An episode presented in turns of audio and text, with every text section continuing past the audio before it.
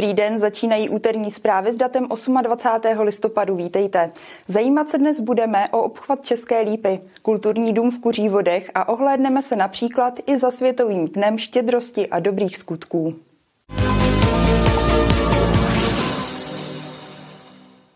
Stavba další části obchvatu České lípy začne příští rok na jaře. Zakázku nakonec ředitelství silnic a dálnic vysoutěžilo levněji, než byl původní předpoklad. Úsek z Dubice do Dolní Lipchavy bude stát zhruba 540 milionů korun.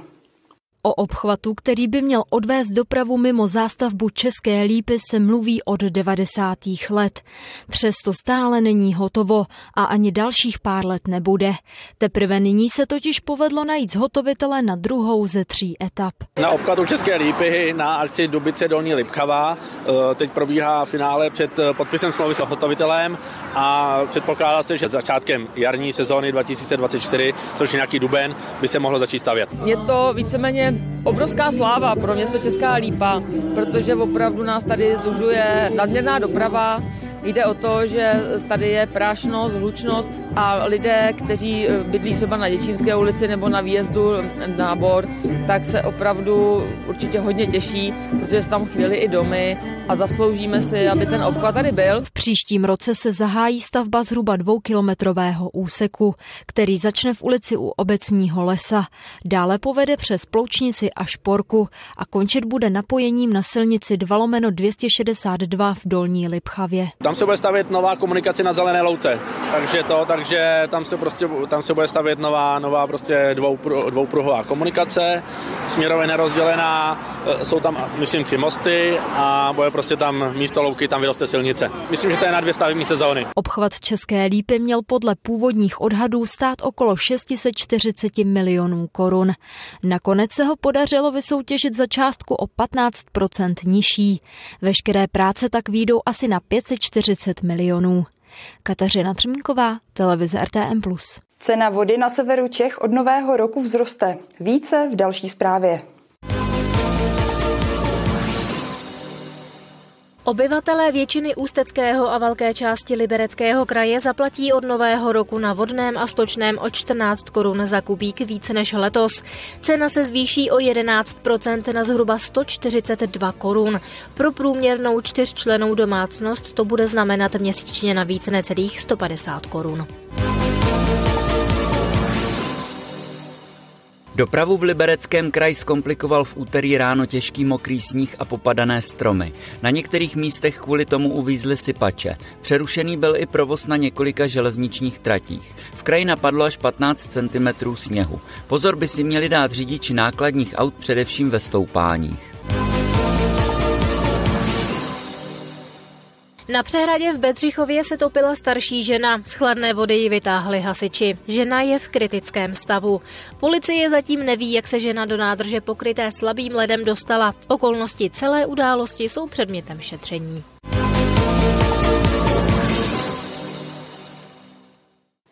Ralsko vrátí zašlou krásu kulturnímu domu v Kuřívodech. Z bývalého kina se stane multifunkční sál a v další části objektu vznikne muzeum mapující odchod sovětské armády z města. Na projekt, který bude stát okolo 40 až 50 milionů korun, získalo Ralsko 7 milionovou dotaci. V kulturním domě v Kuří vodech to vypadá, jako by se tu zastavil čas.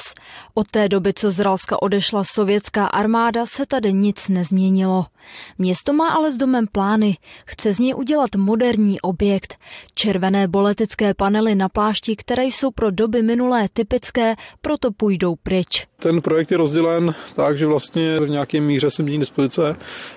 Vlastně na pravou ode mě by měl vzniknout multifunkční sál, kde dneska momentálně je bývalé vlastně kino, kde jsou vlastně stupínkově umístěny elevační vlastně sedátka Uh, takže tam by měl se podlaha srovnat, měl by tam vzniknout multifunkční sál. Vejít by se se mělo 250 až 300 osob.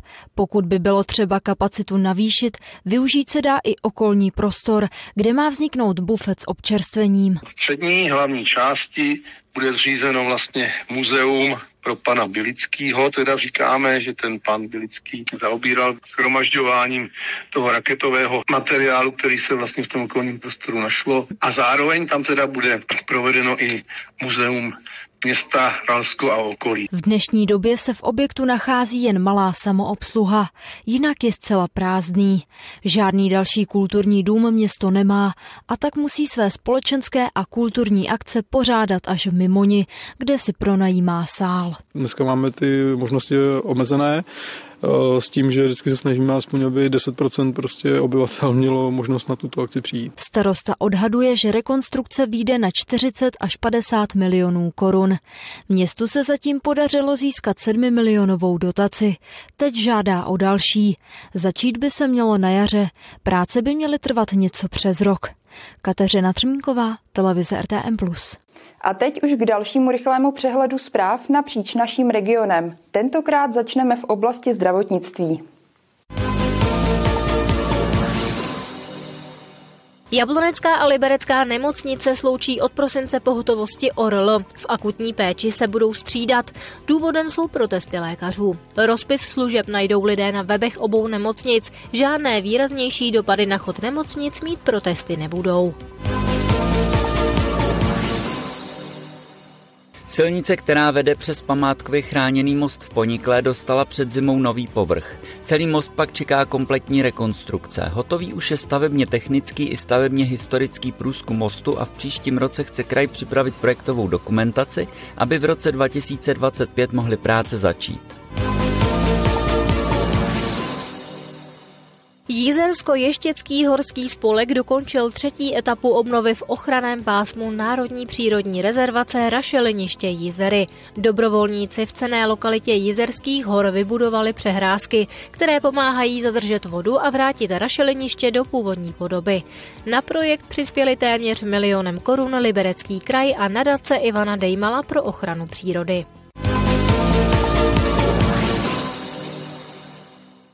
Některé školy v Liberci se zúčastnily Světového dne štědrosti a dobrých skutků. Děti donesly hračky, knihy a další drobnosti, které už nepotřebují, aby je mohly darovat neziskové organizaci ADRA. Ta vybrané předměty rozmístí do svých obchůdků. Giving Tuesday je Světový den štědrosti a dobrých skutků. Slaví se od roku 2012. My jsme natáčeli na základní škole Sokolovská, která se do sbírky zapojila už po několikáté. Děti a obecně celá škola tady na tu akci reagují eh, vstřícně. Vidíte sami, že prostě všechny děti, které byly informovány, tak dá se říct, že donesly hračku, knížku, připravovali se na to, o té akci věděli. Tak děti vlastně jsou aktivní sami, tady ty akce pořádáme dá se říct, přes eh, zástupce školního parlamentu. Aktivnější prý tentokrát byly děti z prvního stupně. Vedení školy proto má jednoduché vysvětlení. Hračky jsou jim prý mnohem bližší. Já jsem donesl knížku a balónek. Donesl jsem to sám. Já se přinesla uh, pejska. Uh, byla, pomáhala mamce. Uh, nějaký hračky mýho bráchy, pucle, plišáky. A děti, které něco darovaly, neodešly s prázdnou. I Adra si pro ně připravila malý dárek. Já mám v ruce hadračku. A to jsou vlastně takové dárečky, které vyráběli studenti Gymnázia FX Šaldy ve svém programu DOFE. A každý dítě, který daruje nebo se rozdělí vlastně o hračku, tak dostane tady tu hadračku, může si domalovat očička a je to takový poděkování. Vybrané věci ze zhruba 30 škol, které se do sbírky zapojily, poputují do Adra obchůdků. Navštívit je můžete v Liberci, Jablonci nad Nisou, Turnově nebo třeba v Rumburku. Martina Škrabálková, televize RTM+. Úterní zprávy končí. Po předpovědi počasí už na vás čeká Liberecký magazín nebo naše archivní okénko. Mějte se krásně a u zpráv zase brzy na viděnou.